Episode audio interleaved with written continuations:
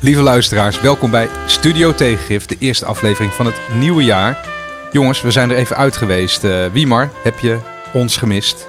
Ik heb jullie uh, enorm gemist, natuurlijk. Ik uh, mis het altijd om het jullie over politiek, economie, maatschappij, sociologie, digitalisering. Dat zeg jij er altijd bij, hè? Want de socioloog. Te praten. Ja, ik heb dus uh, in mijn vakantie, ik heb eigenlijk nog steeds vakantie. De, uh, vorige week uh, was ik dus echt weg in Limburg. Daar heb ik dus een boek gelezen over 100 jaar sociologie in Nederland. De sociologische wetenschap in Nederland.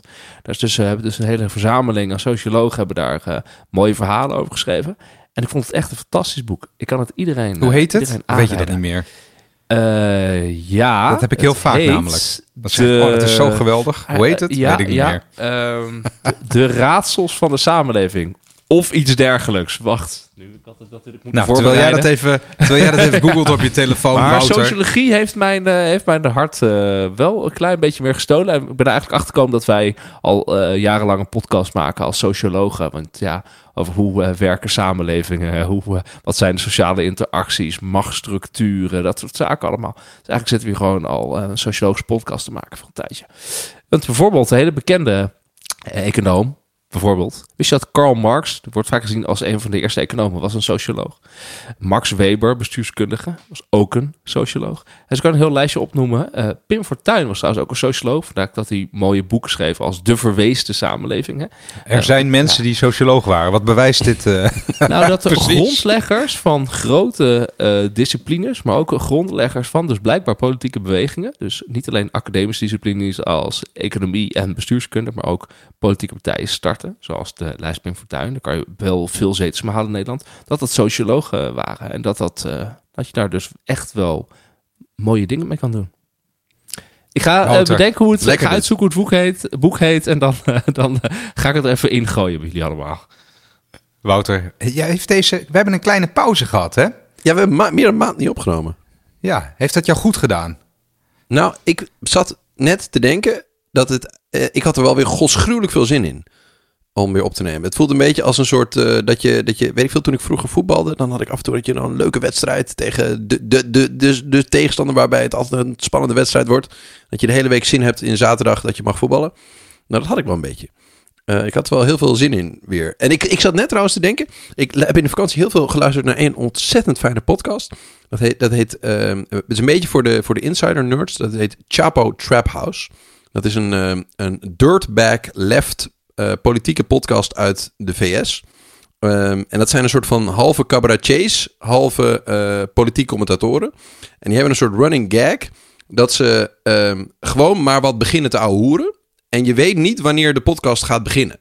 Dus begin eerst gewoon te praten over wat de lekkerste hamburger is. Of uh, hoe hun sportteam gewonnen heeft. Of wat vette films zijn.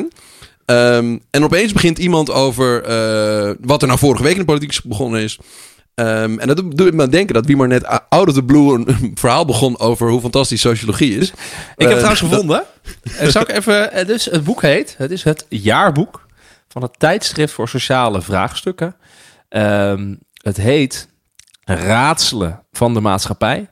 Het uh, gaat dus over 100 jaar sociologie uh, met de vraag wat zijn we wijzer geworden? En 100 jaar geleden, dat is dus de reden waarom uh, volgens dit jaarboek sociologie 100 jaar in Nederland bestaat. In 1922 was het de eerste hoogleraar sociologie in Nederland, Willem Bonger, die toen zijn oratie hield. En daarom hebben dus voor dit jaarboek 40 sociologen een, een artikel geschreven. En over mooie dingen geschreven als veranderingen van de samenleving, individualisering, Jij hebt toch gewoon, je hebt toch sociologie gestudeerd? Het lijkt net of nee, je het net ontdekt ja. hebt nu. Nee, nee, helemaal niet. Ik heb uh, economie, bestuurskunde, psychologie gestudeerd. En bij heel veel van die oh, dat is de enige die je uh, studies... Was. Ja, nee, bij ja. bestuurskunde heb je dus zeker sociologie vakken gehad. Maar Terug naar school, jongen. Bij economie heb je ook dus gewoon natuurlijk uh, behoorlijk wat sociologie vakken die eigenlijk, ja. ja. die eigenlijk de sociologie van het sociologie geld hun oorsprong hebben. Ja, de sociologie van het geld. Um, en op het moment dat jij weer een rant begint over de factor arbeid tegen de factor kapitaal, dan heb je het eigenlijk ook over een sociologische analyse. Dan sta ik eigenlijk in de traditie van Karl Marx, die een, toch een socioloog is. Hey, Hoe is hey, jou maar jij zit, jij zit ook in een, uh, in een jury. En de, oh, ja. die, de, jouw ja. plek daarin hebben we te danken aan een van de grootste financiële fraudes Ja. van de recente tijd. Zeker. Ik ga het wat mooi proberen in te leiden. En dan kom ik op jou, jouw Ik schop vond het wel een leuke inleiding zelf. Ja, precies. Dus de oproep is om inzendingen te doen.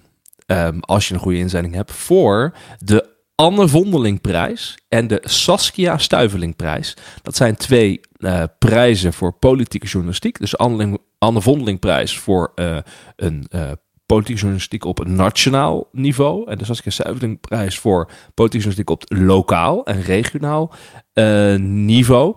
Ehm, en de vraag is dus, welke journalist heeft daar de, de, het beste stuk over gemaakt? Of het beste bijdrage geleverd? Het kan ook een video zijn, of een podcast zijn, of een reeks eh, zijn, eh, een radio-uitzending. Ehm, en tot en met 31 januari kunnen daar dus inzendingen voor worden ingestuurd. En het gaat dus over eh, ja, mooi werk over het jaar, of in, gedaan in het jaar 2022. En journalisten mogen zichzelf nomineren. De redacties mogen journalisten eh, nomineren. Mogen juryleden zich elkaar ook nomineren? nomineren. Ehm, en redacties mogen ook er andere journalisten eh, nomineren. En ook gewoon eh, eh, algemeen mensen mogen journalistieke verhalen nomineren. Dus dat kan. Dus ik zit in de ben- hoe ben jury in die jury beland? dan? Ja, dat wil je vast je daar naartoe hè? Ik zit vind ik eigenlijk in het de enige jury. interessante eraan. Ja, dus vorig jaar won eh, Jesse Frederik, overigens de Anne. Ik ga gewoon door. De Anne op de grond prijs.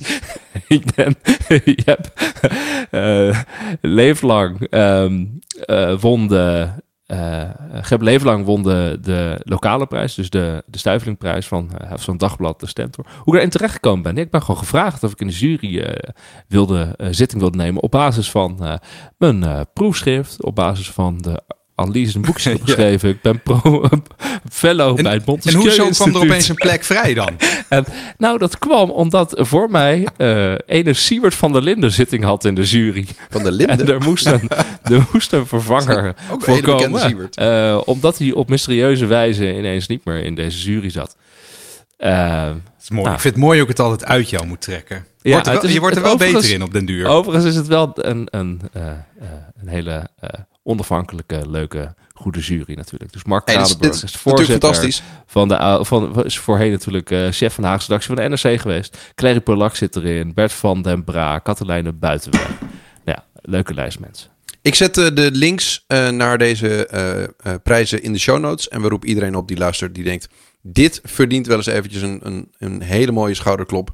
Want dit is prachtig journalistiek. roepen we op om mensen aan te dragen. Zal ik direct doorgaan met twee andere eh, huishoudelijke dingen... als jij een hapje neemt, Randy? Ehm, ja, dat doe je. nog Ja, helemaal net even een hapje van mijn koekje, inderdaad. Ja, Ja, ja, doe dat we niet je gedaan hebben. Is dat, we moeten even eh, Wim Brons van remotepodcast.nl hartelijk danken. Omdat ook in 2023 hij nog bij ons is om eh, het mogelijk te maken dat we deze podcast opnemen. Ik praat nu nog steeds in een microfoon waar BB van Wim Brons op staat. En wij danken alle donateurs van vriendvandeshow.nl slash studio. We hebben onderhand alweer wat meer vrienden. Wij houden ons eraan dat we ze niet gaan noemen. Ehm, maar dat zorgt ervoor dat we nog steeds niet al te veel verlies maken op deze podcast. En dat is toch wel fijn. Randy. hey, dat is goed dat je dat even weer gezegd hebt. De gekte. De gekte van de week. Ik hoef daarna, mag, ik die, mag ik die doen deze keer, jongens? Ja, Ik ja. hoef daar niet lang Ja, over na hoor. te denken. Want ik zag dat het, eh, ik weet niet of dat vandaag nog zo is, maar in ieder geval heel recent, dat het 21 graden was in Oostenrijk op de skipiste. Dat denk je van, oké, who cares? Maar dat is, een, dat is natuurlijk een verbijsterend weerrecord. En ik zag ook de ongelooflijk sneuwe plaatjes van skipistes... waar dan een soort strookje van, nou, krap twee meter breed sneeuw op was gespoten.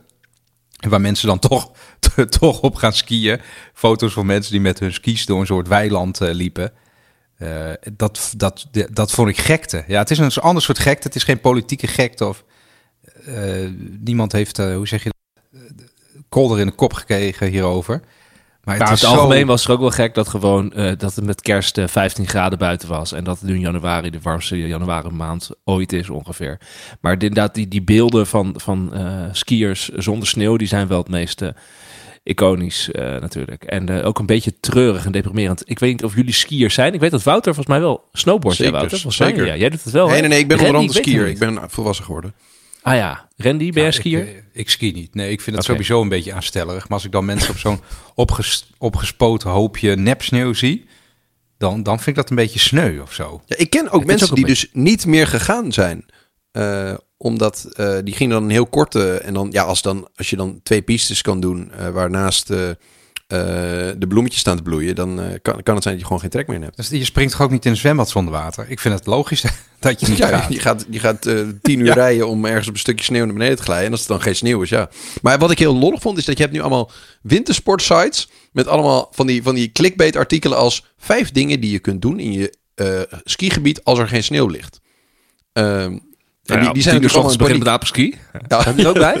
Ja, maar je kunt ook, ook thuis naar de bar gaan om tien uur 's ochtends. Maar mensen- wordt gewoon zuipen dan natuurlijk. ja, ja, Ja. Dat, wordt, dat wordt het waarschijnlijk.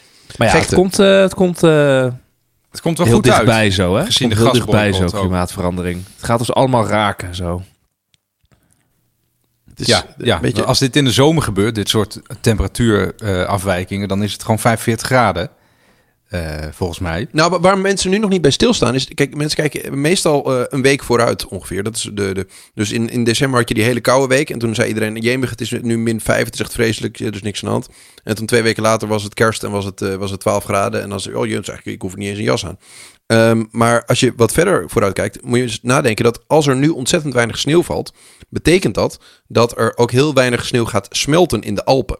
Dan betekent dat dat de rivieren in Europa die vorige zomer al overal droog vielen bijna in Zuid-Europa, deze zomer nog veel droger gaan vallen. Dat betekent dat in een aantal belangrijke rivieren in Europa geen scheepvaart meer mogelijk gaat zijn. Nou, het, gaat, het gaat hele grote effecten hebben als je een beetje nadenkt over wat er gebeurt als dat, die, dat de natuurlijke verschijnselen opeens maf gaan doen in ons hoofd. En dat nu eh, helemaal eens met Wouter. En dat het dus ook zo is dat dit waarschijnlijk niet een incidenteel dingetje is. Nee, dat dus voel je toch aan water. Dus Dit- dat het dit- de komende dit wordt nu steeds erger. decennia wellicht zo gaat, eh, zo gaat zijn. Dus het gaat natuurlijk grote impact hebben. Nou, weet je, we gaan binnenkort weer een keer een klimaataflevering maken. Dan eh, lossen we het even op. En eh we gaan nu doen wat we traditioneel, eh, nou, ieder jaar doen volgens mij. Even vooruitkijken naar het politieke jaar 2023 dat voor ons ligt. Ja, ik vind dat altijd leuk. Dan kunnen we het een beetje over van alles en nog wat, eh, eh, alles en nog wat hebben. Eh, Wouter, ik ken jou als dat je dan goed je huiswerk hebt gedaan. Wat, eh, eh, waar mogen we rekening mee houden in 2023? Ja, ik, ik doe dan altijd misschien wel te goed mijn huiswerk. Dus ik schrijf meerdere opties op over waar ik een eind over zou kunnen wegbabbelen. Ehm, wat ik interessant was, ik had even teruggekeken. En vorig jaar hebben wij precies deze aflevering inderdaad gemaakt. Ehm, en we maakten daarvoor een aflevering die heette Het regeerakkoord Rutte 4 voert oppositie tegen Rutte 1 en 2. Ehm, en, daar, en daarin beschreven wij wat er allemaal in het regeerakkoord staat. eh, wat juist Rutte 1 en 2 hadden ingevoerd. En eh, wat daarna weer afgeschaft werd. En ik had even het, eh, het lijstje bekeken van allerlei maatregelen die per 1 januari eh, 2023 ingaan. En daar zitten eigenlijk ook een hele hoop maatregelen bij die ingevoerd zijn door eerdere kabinetten Rutte. Dus dat is, dat is nog steeds bezig. Eh, dat kabinet Rutte 4 eh, eh, stug oppositie aan het voeren is tegen zichzelf. Zo is, en dat hebben wij heel vaak genoemd, de verhuurdersheffing nu eindelijk afgeschaft. Ja. Dat is een hele interessante. Ehm, maar er is nog wel een hele lijst. Ehm, het minimumloon gaat flink omhoog. ehm, eh, 10,5 procent. Ehm, er gaat een prijsplafond voor de elektriciteit in. De BTW op zonnepanelen wordt afgeschaft. Dus best wel veel maatregelen die als je eh, een jaar of acht geleden in Nederland had geleefd als veel te progressief voor een kabinet met deze partijen eh, waren gezien. Ehm, dus dat, dat vond ik. Het, om, om te beginnen gaat dat, eh, vind ik dat spannend. Maar dat is niet helemaal wat Politiek 23 gaat domineren. Dat dus Rutte 4 nog steeds oppositie voert tegen zichzelf. Ik denk dat wat het echt gaat domineren is dat op 15 maart eh, 2023 er verkiezingen voor de provinciale staten zijn. Dus dat eh, de kerstvakantie eigenlijk ook eh, de stop was waarna de campagne echt gaat beginnen. Ehm, eh, en die, die campagne gaat over de provinciale staten. Nou, wat, wat speelt er op dit moment in de provinciale staten? Daar speelt heel veel gedoe rondom ruimtelijke ordening, stikstofbeleid, ehm, eh, asielzoekersopvang. En ik denk dat de, de ge- gedeelde noemer is dat provinciën heel veel moeten uitvoeren waar ze het best wel zwaar mee hebben. Ehm, en dat ehm, eh, waarschijnlijk binnen de provincie daar echt wel veel borrelt. Maar dat de verkiezingen voor de provinciale staten toch gedomineerd gaan worden, vermoedelijk door de Eerste Kamer, die via de provinciale staten gekozen wordt. En waar heel veel van afhangt, omdat het kabinet eh, op dit moment geen meerderheid in de Eerste Kamer heeft. En als je nu naar de peilingen kijkt, dat ook niet dreigt te gaan hebben. Ehm, dus de partijen die in het kabinet zitten gaan heel erg hun best doen om een Eerste Kamer te krijgen waar ze wel mee kunnen werken. Want anders dan wordt het überhaupt lastig om de rest van dit kabinet ehm, een wetten door de Kamer te gaan krijgen. Dus dan zit je met een, een kabinet dat nu net één jaar bezig is. Ehm, wat heel weinig, wat gewoon vleugellam gaat wezen na 15 maart. Uh, Mag ik 2023. jou op reageren? Want de, ik had Ja, tuurlijk, natuurlijk ook joh. op mijn lijstje staan. Anders ga ik als gewoon een door, Van de dingen, als het gewoon een monoloog van de heer Welling en dan ga ik even koffie halen. Eh nou, maar kijk, dus ik zat even van... Dit had ik ook op mijn lijstje staan. ik had het nog wel naar mijn zin. Ehm, Ja, ja. Ik, had, ik vond het een goeie, dat ging heel goed hoor. Ehm, maar goed om te weten dat, kijk, 15 maart, dat is over twee maanden bijna. Of, eh, 15 maart zijn inderdaad die verkiezingen voor de Provinciale Staten. Op 17 januari is het recess afgelopen, dus begint de Tweede Kamer pas echt weer. Hè? Dus Ja.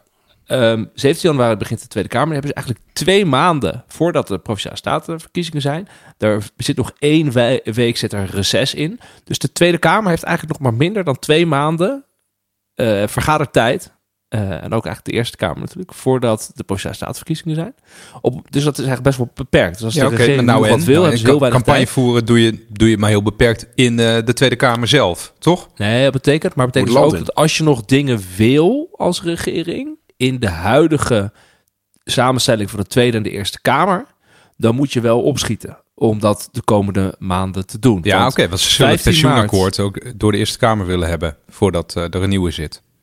15 maart, eh, want eh, na 15 maart heb je dus 2,5 maand. Want op 30 mei inderdaad worden nieuwe leden van de Eerste Kamer gekozen. Maar ja, 15 maart is al de uitslag van de Provinciale Statenverkiezingen bekend. En dat betekent dat we eigenlijk al grof kunnen uittekenen, aangezien eh, natuurlijk de leden van de Provinciale Staten de Eerste Kamerleden kiezen, al grof kunnen uittekenen in hoeverre de coalitie nog een meerderheid heeft of een, of een nieuwe meerderheid moet zoeken in de Eerste Kamer.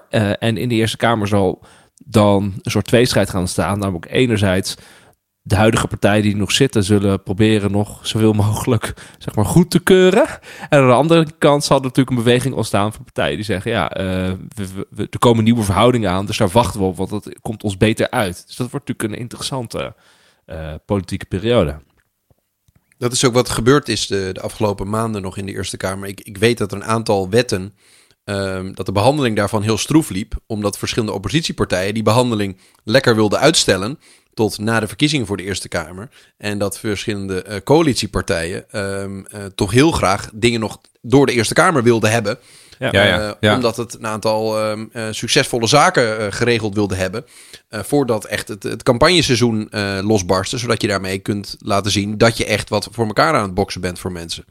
Ehm, maar wat ik, wat ik eigenlijk. Ik, ik, had, ik had nog een, een, een. Het was nog steeds een opmaat tot waar ik eigenlijk toe wilde komen. Die, eh, die Eerste Kamerverkiezingen die de boel gaan domineren. En wat daar een beetje de, het, het schaakbord eh, voor gaat wezen. ehm, is dat alle coalitiepartijen staan momenteel op eh, verliezen. Ik had vandaag even de laatste één vandaag peiling zitten bekijken. Ehm, behalve het CDA, die staan op negen zetels stabiel. Maar dat, dat is toch echt niet waar het CDA tevreden mee is op dit moment. Ehm, en wat ik dus denk is dat die coalitiepartijen... die gaan een aantal ehm, eh, successen trachten te claimen op de dossiers... waar, waar heel veel eh, onvrede en waar het debat over bestaat.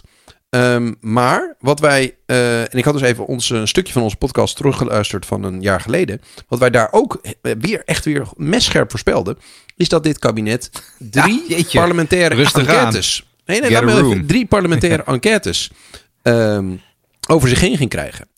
Waar er eh, een aantal nu nog van moeten komen. En waarvan er eentje ehm, toevallig in februari met het eindrapport komt. En dat is, Dat is de het de eindrapport van de parlementaire natuurlijk. enquêtecommissie Aardgaswinning Groningen. Dat Ja, komt waarschijnlijk precies een maand voor die Eerste Kamer. eh, ehm, eh, sorry, voor de provinciale statenverkiezingen en daarmee de Eerste Kamerverkiezingen. En ik, heb een, ik heb best wel veel van die verhoren zitten kijken. En dat wordt echt wel spannend. Ehm, en dat is volgens mij kan dat eh, rapport over die eh, aardgaswinning in Groningen. Gewoon heel veel zaken die leven in de provincie en de tegenstelling Randstad, gebied, de tegenstelling hoogopgeleid, laagopgeleid, de tegenstelling de haves en de haves not, ehm, kan dat samenvatten in het gevoel dat degenen die belazerd worden zich ehm, ja, verenigd worden door eh, voelen of, of eh, ja, in ieder geval begrepen voelen als dat rapport heel klinkklaar gaat aangeven ehm, dat geld de belangrijkste reden was en dat het leed van de Groningers er niet zoveel toedeed. En Ja, dat klopt. Dus dat is een van de dingen die dan, die dan natuurlijk de, de, de- sowieso weten eigenlijk natuurlijk dat eh, niet precies de, die woorden, maar dat zal ik ongeveer wel de het een beetje conclusie zijn. En je weet natuurlijk dat binnen de regering en de kabinetsploeg eh, is er een staatssecretaris van Mijnbouw, of staatssecretaris Mijnbouw, eh, Ja. de heer Velbrief, Velbrief. van D66 van, bij EZK. Dus zeg maar politiek gezien is, de, is, dat natuurlijk, is dat wel een, ja, heeft hij een zwakke positie nu, als er echt een hele, eh, als er zo'n eh, parlementaire Zo'n rapport komt. enquête uitkomt. Ehm, het lijkt vaak me wel af wat dit gaat doen, zeg maar, met de steun voor, voor coalitiepartijen inderdaad en oppositiepartijen. Want ik zat ook even naar de peilingen te kijken, Wouter. En als ik nu kijk naar de peilingwijzer, zie je dat de coalitiepartijen bij elkaar 37% van de stemmen hebben in de peilingen. Dus dat betekent dat ze nog niet 50% plus 1 hebben. En dan volgens begint natuurlijk een soort rekensom te komen Nee, van wie moet je daar volgens bij hebben. En er zijn er eigenlijk twee logische kanten om dat te zoeken.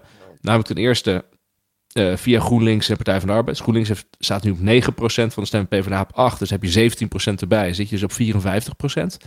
Hè, dus heb je de meerderheid via GroenLinks en PvdA. Of je gaat de meerderheid via eh, de boerenburgerbeweging, 10%.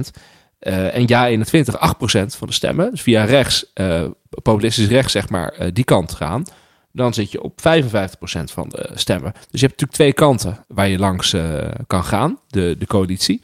En ik ben wel benieuwd hoe dat gaat verlopen. Want ja, gaat die parlementaire enquête, dat rapport ervan, welke oppositiepartij gaat die nou eh, een duwtje in de rug geven? Dat, dat ben ik wel, daar ben ik wel heel benieuwd naar. Je zou sowieso kunnen zeggen dat natuurlijk bijvoorbeeld de, de boeren-burgerbeweging, dat die best wel een positief effect van zou kunnen ondervinden, bijvoorbeeld. Nou ja, zo eh wel spannend. Ja. Ik ben wel benieuwd hoe dat, hoe dat Ik gaat. En wat je nu al ziet natuurlijk, is dat die coalitiepartijen, die proberen natuurlijk ook een, eh, een eigen zetel aantallen weer omhoog te krijgen, de- peilingen te verbeteren. Dus ik vond het ook wel mooi dat, ehm, dat je meteen na de jaarwisseling al, al die mooie tweetjes naar buiten zag komen dat partijen nu ineens toch wel voor een vuurwerkverbod waren.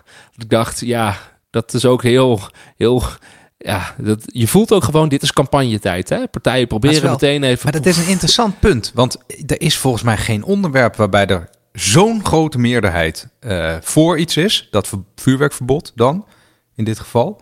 En dat het toch niet zo is. Want wel iets van 80% van de mensen is daarvoor eh, in Nederland. Als je eh, op opiniepeiling af mag gaan. Is dat zo? Ja, nou, ik vond het heel bijzonder dat D66 nu op 1 januari meteen een bericht naar buiten deed. We zijn nu echt Ja. voor een vuurwerkverbod. Eh, als het En ook over in de strand is, iedereen Kamer. voor dijken. Ja, ik verdacht van, nou ja, dit eh, is wel ook, ook eh, duidelijk dat daar een, een motivatie achter zat. Ze willen even het nieuws halen. Dus, maar, Dus maar, maar mijn, mijn politieke voorspelling is eigenlijk dat het eindrapport van de parlementaire enquêtecommissie over de aardgaswinning in Groningen een flinke gamechanger gaat wezen voor de provinciale statenverkiezingen. En dat de partijen die daar een, eh, een goed verhaal hebben klaar liggen, dat die. eh, want ik vermoed echt dat het, de boel ook wel flink opgeschud gaat worden. Deze provinciale statenverkiezingen. Dat ben ik ook dat heb ik niet allemaal zelf verzonnen. Dat, dat zeggen alle knappe koppen. Maar Wouter, zal het niet vooral effect hebben op de provinciale staten van Groningen? Nee, en niet zozeer provinciale staten Het, is heel representatief voor, voor het gevoel van onvrede dat in heel veel. Misschien dat het alleen in, eh, laten we zeggen, Zuid-Holland, Noord-Holland, eh, Utrecht minder een effect gaat hebben. Maar in ontzettend veel gebieden ehm, eh, leeft het idee dat, eh, eh, dat, dat, dat mensen op, op hun man- as belazerd worden. Of dat er dingen van ze afgepakt worden, of dat ze geen grip hebben, of dat ze geen invloed hebben, of dat hun sociaal-economische status er ik. niet Dus in die zin, ik, ik, ik volg de redenering ook wel. Alleen, eh, we hebben hier ook gehad dat het kinderopvangtoeslag schandaal, waar natuurlijk nu de parlementaire enquête nog over loopt, eh, dat die ehm, dat die ook heel veel invloed zou hebben op de peilingen. En dat was uiteindelijk wel beperkt. Dus ik ben gewoon benieuwd of dat bij... Ja, nee, je gaat eigenlijk weer uit over de, over de, de, de, de zombieisering van het Nederlandse volk. Die, eh, die een heel, heel veel ophef kan hebben over iets en heel boos kan maken over iets, maar vervolgens toch weer op dezelfde mensen stemt. Ja, dat, dat risico bestaat. Nou ja, ja dat, eh, kijk, mensen kennen dat verhaal al wel natuurlijk. Hè? Dus eh, je kan op je vingers wel een beetje uittellen wat er uit die enquête komt. Namelijk dat inderdaad geld heel lang eh, boven de veiligheid en de leefbaarheid van mensen in dat gebied is gegaan. Ja, dat weet je ook al, toch Wouter? Nou, het- maar het lijkt me zo'n tekenend verhaal. Ja, het is waarvan ik schande, dus vermoed, als, je, ja, als ik een beetje kan bedenken hoe campagnes werken, is dat een maand voor de verkiezingen grijpt iedereen alles aan wat het nieuws domineert om het te spinnen richting zijn of haar verhaal. En heel veel partijen gaan hun verhaal bouwen over rondom maatschappelijk onvrede, eh, maatschappelijk onbehagen. En mensen die sociaal-economisch of qua identiteit of qua eh, ehm, eh, positie in de maatschappij, qua kansen, ehm, niet krijgen wat ze zouden kunnen krijgen. Of niet genoeg van de collectieve voorzieningen gebruik kunnen maken. Ehm, en dan is dit gewoon een heel tekenend verhaal waarvan ik denk dat heel veel partijen het gaan gebruiken om te hakken op de bestaande macht. Ja, ik heb al heel lang, vraag ik me eigenlijk af waarom er niet meer partijen zijn die, eh, die heel consequent, en het wordt natuurlijk wel eens geroepen, maar die heel, heel consequent de aandacht vestigen op dat die, eh, die randregio's, en dan bedoel ik eigenlijk gewoon alles voorbij A- Amersfoort, ja, dat die toch altijd een beetje onderbedeeld worden. Eh, dat als je daar dan woont, zoals ik nu, dan heb je dan, dan wordt dat veel duidelijker hè, dan wanneer je eh, in Den Haag eh, woont. Eh, dus met, met die. eh, met Maar die probeert de boerenburgerbeweging probeert dat toch? Dat is, cons- Ja, dat is ja. consequent het verhaal van de Ja, nee, dat klopt. Dat klopt. Maar ik bedoel, van al die andere 28 eh, partijen die er dan nu zijn. Dat is zo'n makkelijk verhaal. Want de helft van Nederland woont ook buiten de Randstad. Hè? Dus eh, je, dit is een schot voor open goal, zou je zeggen. Dus die regio's die voelen heus wel. Die voelen heus wel eh, dat er bij hun eh, relatief wat weinig OV is. En dat er wat weinig investeringen worden gedaan. Of dat het meeste cultuurgeld... Hè, dat zijn dan allemaal eh, dingen Ja, die steeds we ook al een paar afleveringen over gemaakt. 50% van het cultuurgeld naar Amsterdam gaat. Ja, De zwembaden gaan dicht, de bibliotheken gaan dicht, de gemeentehuizen gaan dicht, de bank is gesloten. Ja, er nou, worden daar minder zijn mensen gepikeerd over. Dat is toch logisch? Ja. Nou, maar omdat komt op de, een gedeelte van de reden daarvan zit erin dat de meeste fatsoenlijke partijen, die, die in ieder geval, die, weet ik, je weet precies wat ik bedoel, maar het is niet netjes om het zo te zeggen, maar de, de grotere middenpartijen ehm, zijn heel voorzichtig om polariserende eh, politiek te bedrijven. Dus om echt te kiezen voor deze groep versus die groep. ja, maar Dus ik, ik vind ga- dat niet polariserend om te zeggen van we moeten het belastinggeld dat we met z'n allen betalen, moeten we van een die beetje, randstedelingen. beetje eerlijk verdelen. Dat, ja, dat is toch niet polariserend? Nee, ik ben het volledig met je eens. Ja, uiteindelijk is het gewoon, eh dat, eh, zelfs als Groningen, gewoon behandeld als wingewest. Dat is, dat is niet anders dan, eh, dan, dan ergens naartoe gaan en zeggen: Dit is van ons en wij gaan hier de grondstoffen vandaan halen. Net als wat zo'n schot voor open goal is, is dat die, dat die OV-lijnen naar dorpen dat die verdwijnen. Dus dan begint het altijd eerst met. Eh, dan ga, ging er een bus eh, s ochtends heen en s'avonds terug. Ja, Zo schraal was het dan al, hè? En dan wordt de bus eh, s s'avonds terug, die wordt geschrapt. Nou, en wat gebeurt er dan? Dan gaan mensen kunnen alleen nog maar heen en niet meer terug. Dus ze gaan ook niet heen met de bus. En dan wordt gezegd, ja, Ja. Die, bus, die, die bus die wordt ook weinig gebruikt. Nou, laten we die ook maar schrappen. Dus mensen in dorpen die voelen natuurlijk dat ze gewoon een beetje ver- vernacheld worden daarmee. En dat is, een, dat is electoraal is dat een schot voor open goal. Eh, en het is ook raar, vind ik. Je hebt een land, het is al een postzegel. Het is een soort stadstaat. En dan ga je de hele tijd om economische redenen, of hè, bedrijfseconomische redenen moet ik zeggen, wordt de bereikbaarheid en het investeren in regio's die economisch dan relatief wat zwakker zijn, wordt de hele tijd teruggeschroefd. En zo ontstaat er steeds een soort nieuwe grens. Van, oh ja, maar hier kan het nu ook niet uit. Nou gaan we het nog wat verder terugschroeven. En als je, als je zo doordenkt, dan heb je alleen nog maar OV in, de, eh, eh, rond, in en rond de grote steden dan. Misschien is dat wel een goed politiek verhaal. Eigenlijk de gedachte dat sommige mensen het gevoel krijgen dat zij niet meer uit kunnen. Ja, de is- onrendabele. Of de, De, ja. Het is niet meer rendabel niet de om eerste u die dat dienst te verlenen. het, uw bestaan is onrendabel. We gaan, u, we gaan alles, alle diensten waar u gebruik van maakt, gaan we Ja, langzaam sorry. uitfaseren. De weg wordt een, eh, wordt een weiland. Eh, Excuses. Ja, je kunt niet meer weg. Het, jammer. Het lukt niet meer. Kunnen we niet meer onderhouden. Ehm, wie maar? Zullen we naar jou? Ik dacht het nog even, het gesprek ging, eh, we hebben het over de Eerste Kamerverkiezingen Oh ja. gehad. En volgens mij staat één van ons drieën staat op een verkiesbare plek eh, van een eh, Eerste Kamerlijst voor de komende verkiezingen. Volgens mij ben jij dat, Randy. Dus de vraag is even, Ja, Randy, waarom in hemelsnaam? Weet je dat, weet je dat zo'n zo'n zo'n sollicitatiegesprek met zo'n commissie eigenlijk ook een beetje zo gaat? Dat is toch van, waarom zou je dat in godsnaam doen? Eh, jongen, ja, ben je helemaal gek geworden? Nou ja, het leek me tijd voor een beetje tegengif eh, in, de, in de Senaat. Uh, Heb je dat ook gezegd? Nee, ik heb, het, ik heb wel. Nou ja, ik heb die podcast heeft wel een rol gespeeld hoor in het, uh, in het hele proces. Want er waren dus ook wel wat mensen die luisterden ernaar. En dan wordt zo'n gesprek een beetje raar. Want ja, je hebt twee keer een gesprek van een uur of zo, of weet ik veel wat. en wat dingen daaromheen.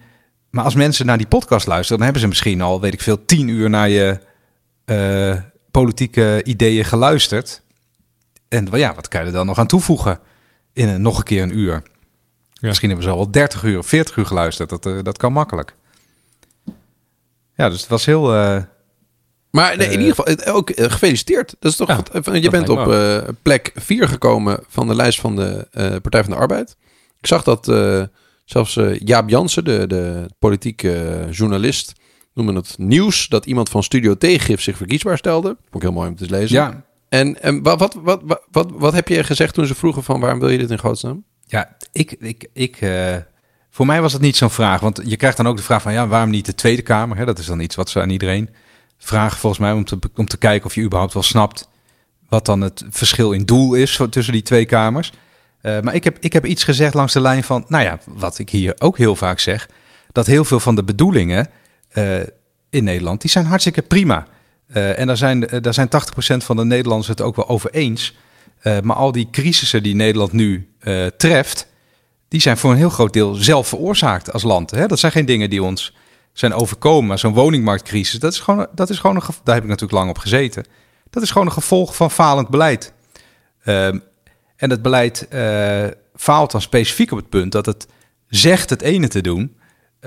huizen, zorgen dat huizen komen, zorgen dat het betaalbaar blijft bijvoorbeeld. Hè, om in het voorbeeld te blijven.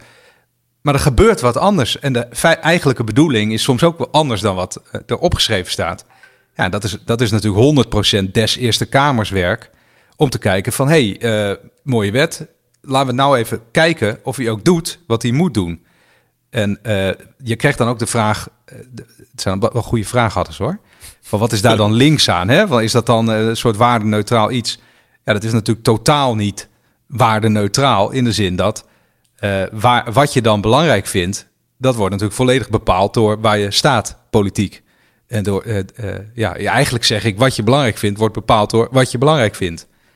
Nou ja, zo, zo ging dat een beetje. Dus ik hoop nou, mensen, dat dus mensen dat je, niet... dat, je, dat je in de Eerste Kamer dus ook wetten controleert als Eerste Kamer. Niet alleen op of het uitvoerbaar is en doet wat het doet, maar ook dus op bepaalde waarden en ideologie. Hè? Dus dat wil je dan wel gaan doen. Ja, tuurlijk. Ja, ja, maar anders, ben je, anders je hebt toch gewoon de Raad van State om uh, naar de technische deugdzaamheid van de wet te kijken. Dus soms snap ik ook niet zo goed de, dat er een extreme nadruk wordt gelegd als je sommige mensen over de Eerste Kamer hoort praten. Van ja, die kijken of een wet technisch in orde is. Nou ja, oké, uh, dat doet de, Raad van State uh, als het goed is. de Eerste Kamer is toch uiteindelijk een politiek orgaan. en wat je natuurlijk niet moet doen, is het precies overdoen wat de Tweede Kamer doet. Hè, dat je de doelen opnieuw, steeds opnieuw en altijd maar ter discussie stelt. Volgens mij maak je jezelf dan onmogelijk en ook nutteloos orgaan. Maar als je kijkt naar van, hey, doet, doet dit ding dan wat het moet doen? Volgens mij is dat ontzettend relevant. ja, gezien, niet zozeer is de wet uitvoerbaar, maar wat is het effect van de wet? Ja, ja dat, natuurlijk kijk je ook naar of hij uitvoerbaar is. maar wat, wat doet hij nou in de praktijk? En is het, kan, uh, kan dit dan gaan werken? Wetende wat je weet over hoe uh, stukjes papier, beleid uiteindelijk uitwerken in, de, in het land. Ja, dus ik dat leek goede antwoorden hoor. Ik vind het ook goed te begrijpen. Ik wil alleen even een paar vragen stellen om een beetje wat meer uh, informatie ik, het, ik doe het hele sollicitatiegesprek opnieuw voor, hier. voor, ja. de, voor de luisteraars. Heb jij wel eens nagedacht, Randy, van uh, waarom ik? Want er zijn natuurlijk godschuwelijk veel. De Eerste Kamer is maar 75 mensen, dus dat is hartstikke klein. En er zitten gemiddeld gezien allemaal mensen die, uh, die, die 40 jaar ervaring hebben als uh. Um, en, en, jij bent uh, nou, een dertiger. Wel, ja, je bent, waarschijnlijk hoor je bij de wat verstandigere mensen in dit land. Um, maar ja, je, je neemt toch wel een soort van, van atlas op je schouders mee als je zegt, laat mij dat maar even doen. Ja, maar dat is, dat is natuurlijk de moeilijkste vraag. Van wie denk jij wel niet dat je bent, dat jij dat dan kan doen? Alleen dat hoef je dus ook niet zelf te bepalen. Dus hè, je biedt jezelf aan en dan eh, dan kijken zij of, of jij dan in hun eh, plaatje past. Als ze beter hebben, dan zetten ze je niet, eh, dan zetten ze je, jou daaronder natuurlijk. Ja, dus Ja, ik maar heb jij dat biedt je gewoon- wel aan met een idee van ik kan dit. Ik ben hier geschikt voor. Ik ben, eh, ik ben, ik, ik, ben hier klaar voor. Nou ja, dankzij, de, dankzij deze glorieuze podcast natuurlijk, Wouter. ja, weet je, je kan niet... het wel goed ja, dat we we- wat hoe, tegengif in de Eerste Kamer krijgen. hoe, lang, hoe lang kletsen wij hier nou al over eh, ja, overheidsbeleid, als je het heel saai wilt zeggen? Ja, Eh, dit, dit zijn gewoon onderwerpen die komen daar voorbij. Eh, en als je, ik weet niet of je wel eens een Eerste Kamerdebat eh, kijkt. ja helaas wel. Dat kan, heel, dat kan heel stimulerend zijn. Eh, Ik moet het wel eens ja, doen voor mijn werk. Ja, nou ja. Nee, is ook mooi. dan, gaat dat, dan gaat dat net een beetje als hier. Natuurlijk iets, iets deftiger. Dat zal ik dan ook wel. Ja, we, hebben natuurlijk hier de podcast eh, De Reflexion hier. Dus eh in die zin is het natuurlijk hele goede voorbereiding. Of de Ze hebben niet gevraagd of ik hiermee ga De stoppen dan. reflexion. eh trouwens. wilde- Nou, dat Dat is wel een goede vraag. Daar zou ik als luisteraar wel mee zitten. Eh, gaan we nu stoppen met de podcast, Randy? Nee, ik ga, ja, ik ga gewoon door als jullie dat willen. Weet je, het is toch een beetje raar dat je dan opeens eh, niet meer eh, eh, hardop mag nadenken. Het lijkt me prima. Gaan we dan, eh, zullen we dan elke dinsdagavond doen, de podcast opnemen? Ja. Dat is een grapje. Maar dan moet je, want, jij Ja, gaat ja. dus, want jij woont in Groningen en eh, de Eerste Kamer zit toch echt nog steeds in Den Haag. Zit nu aan de, in de Lange Voorhout. Ja, en vergadert dus op dinsdag, hè? Even voor de Ja. luisteraar. Nou ja, dan ga, dan ga ik dan, als ik er inderdaad in mag komen, dan ga ik denk ik maandagavond heen en dan in een hotelletje en dan eh, dinsdag daar zijn. En dan dan komen wij in het hotel podcasten. Ja. Leuk, leuk, leuk. Dat kan helemaal. Nou, ik hoop niet dat mensen nu denken dat het een soort partijpolitiek eh, dingetje wordt hier, want eh, dat is niet goed. hey, zullen we naar het volgende onderwerp gaan? Ja, mogen wij nog wel gewoon lekker de PvdA afzeiken, Randy? Jij mag vroeg de PvdA zoveel afzeiken als je wil, Wouter. Oké. Nee, maar Gelukkig. Dat, dat, oké, dat, blijft, dat blijven we wel gewoon met liefde doen. Mooi. hey, ehm naar wie gaan we dan? Ja, wie maar. Dat wilde ik net al. Ehm, wat eh, heb jij op je lijst staan? Nou, ik had Wat heeft, de dus- herfst, wat heeft de kerstvakantie jou doen eh, beseffen? Naast eh, dat sociologie een prachtig vak is. Nou, ik had dus inderdaad ook natuurlijk de Eerste Kamerverkiezingen erbij. En dat je dan of via links, dus via GroenLinks en PvdA een meerderheid moet halen als coalitie.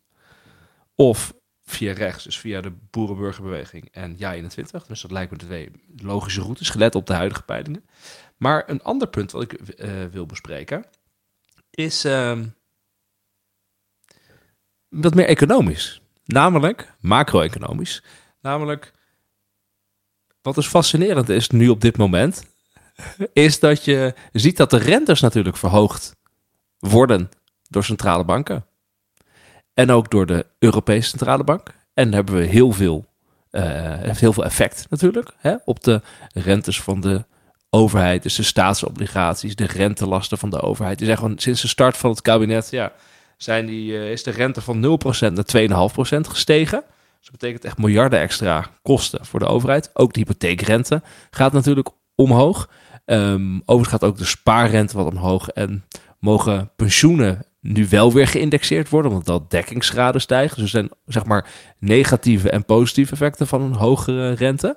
Maar ik ben vooral dus heel erg benieuwd, wat gaat dit doen met de economie?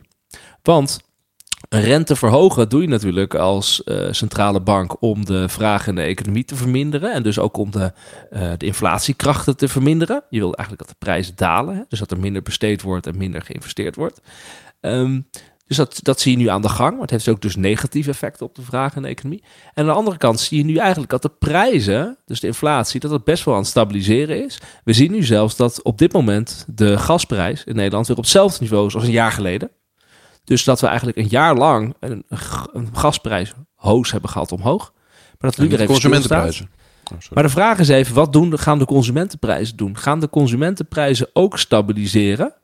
Eh, want als dat zo is, ehm, dan is even de vraag hoe snel en hoe ver de rente van de centrale bank nog omhoog moet gaan. Want we zien nu dat die inflatie, eh, die, die consumentenprijzen die gestegen zijn, dat dat toch vooral afgelopen jaar lijkt te zijn gekomen door eh, aanbodproblemen. Hebben we het eerder over gehad. Dus door eh, aanvoerketens vanuit China en dergelijke. Natuurlijk een enorme externe schok, een oorlog. Die boot, die boot die vast lag in het eh de boot die Suezkanaal. vastlag. Hoe heet dat ding? Ehm, Evergreen of zo. Precies, maar dus veel ehm aanbodschokken die ook tijdelijk leken. Dus de vraag is nu even van ja, ehm, ik, een centrale bank kan niks doen aan aanbodschokken. Die kan dat niet verbeteren en verminderen. Maar als die schok voorbij is, is wel de vraag, ja, moet de centrale bank eh, doorgaan met de rentes verhogen? Want dat heeft dus ook negatief effect op de Ik- economie. Dat wordt komend toch- jaar heel, heel belangrijk. Want dat wordt dus wat de centrale banken gaan doen. Gaan die door met de rentes verhogen? Als ze dat doen, hebben we dus ook negatieve economische consequenties via de consumptie, via de investeringen. Daarnaast zul je ook zien dat dus de overheidsuitgaven omhoog gaan, want de rentelasten nemen toe. Dus gaat de Rijksoverheid dan bezuinigen? Heeft minister Kaag van Financiën al een aantal keer gezegd dat ze dat wilden gaan doen. Ja. Tot nu toe gebeurt het niet. Dus het komend jaar is wel eh, belangrijk voor monetair beleid en voor eh, begrotingsbeleid. Ja, ik denk toch echt niet dat de inflatie eh, negatief wordt. Misschien even heel één puntje, één, één momentje bedoel ik, wanneer de energieprijzen heel hard zouden dalen. Maar ze gaan uiteindelijk zullen, ze, zullen ze toch wel iets, iets hoger zijn dan ze altijd waren. In de zin dat wij Ja, maar dan hebben we die inflatie al gehad? Rusland. Als dat zo is, dan is de inflatie, die inflatie is dan nu geweest. En als die prijzen blijven zoals nu, dus op een hoger niveau, dan is de inflatie volgend jaar een nul. Want Nee, oké, maar die prijzen gaan niet wel- meer verder omhoog. Hè? Dan Dus- ben je wel 10% van je koopkracht kwijt al. Ja, als, zeker. Als het 15% is. Maar de, maar de inflatie, eh, de, als er dan, dan is het niet meer jaar op jaar of maand op maand hoge inflatie. En dan is de vraag, moet de Europese Centrale Bank eh, doorgaan met die rentes verhogen? Dus je hebt wel een koopkracht, dus dat is een derde punt overigens. Dat is natuurlijk een koopkrachtprobleem. Wat doe je daarmee? Moet je de lonen verhogen wel of niet? Dat is een Ja, andere daar, vraag. daar wil ik het straks over hebben. Maar ja, dat is goeie, hè? La- Laten we die dan nog even parkeren. Ja, eh, ik denk dat inderdaad. Ik denk dat de inflatie wel terugzakt. Maar ik denk dat die, dat die wel hoger blijft dan die. Kijk, hier, hiervoor was het verhaal altijd van. Hey, hoe, we drukken honderden miljarden bij. Hoe kan het nou dat eh, de inflatie toch eh, op nul blijft? Eh, volgens mij had dat, had dat dus, hebben we eens eerder besproken, heeft, had dat heel veel te maken met, ja, ik zeg het even heel huiselijk, goedkope spulletjes die dan in China gemaakt werden. Maar dat, die tijd is gewoon voorbij. Ehm, dat gaat niet meer op die manier gedaan worden. We vertrouwen China niet meer. Eh, er kan ook nog wel wat eh, gebeuren, sterker nog, daar met Taiwan of zo. Eh, en de eh, coronagolf die er nu is.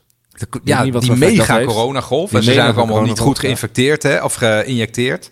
Gevaccineerd, sorry. Ik begin helemaal eh door me heen te lullen. Eh, en ik zag, ik zag heel recent iets. Iemand zei, dit is de allerbelangrijkste statistiek in macro-economie de komende tien jaar of zo. Eh, en dat gaat over de Chinese beroepsbevolking. Eh, die is al over de piek heen. Hè? Dus er is iets heel eigenaardigs aan de hand dat in China, ondanks dat dat tot voor kort dan een ontwikkelingsland was, werden mensen al ontzettend oud. En ze hebben natuurlijk dat één kind eh, eh, beleid gehad.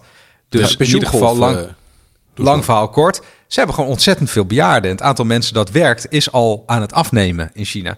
En dat gaat alleen maar verder afnemen. Dus zij kunnen niet meer, heel huiselijk gezegd, niet meer al onze spulletjes eh, blijven maken voor die lage prijzen wat ze deden. En dat gaat dus, eh, in, in het verleden heeft dat de inflatie gedrukt hier. Ja, dat is voorbij. En dat goedkope Russische gas, dat heeft inflatie gedrukt. Ja, wij gaan geen zaken meer doen met Rusland.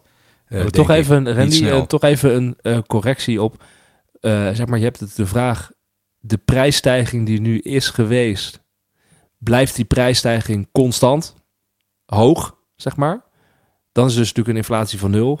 Ja? Of het is de vraag: gaan de komende jaren de prijzen jaar op jaar nog steeds verder stijgen? En dan heb je dus jaar op jaar eh, hoge inflatie.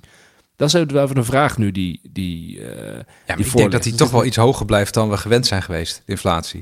Want ook voedselprijzen, hè, wat Wouter net zegt, van weinig, weinig water, eh, klima escalerende klimaatproblemen. Ja, dan wordt, dan wordt voedsel duurder. Heel veel dingen worden dan moeilijker en duurder. Ja, dat ga je toch merken, denk ik. Ja, zou kunnen. Dus, maar dan is dus nog, nog steeds interessant wat gaat gebeuren. Zijn er veel voorspellingen dat er volgend jaar een recessie zou kunnen komen.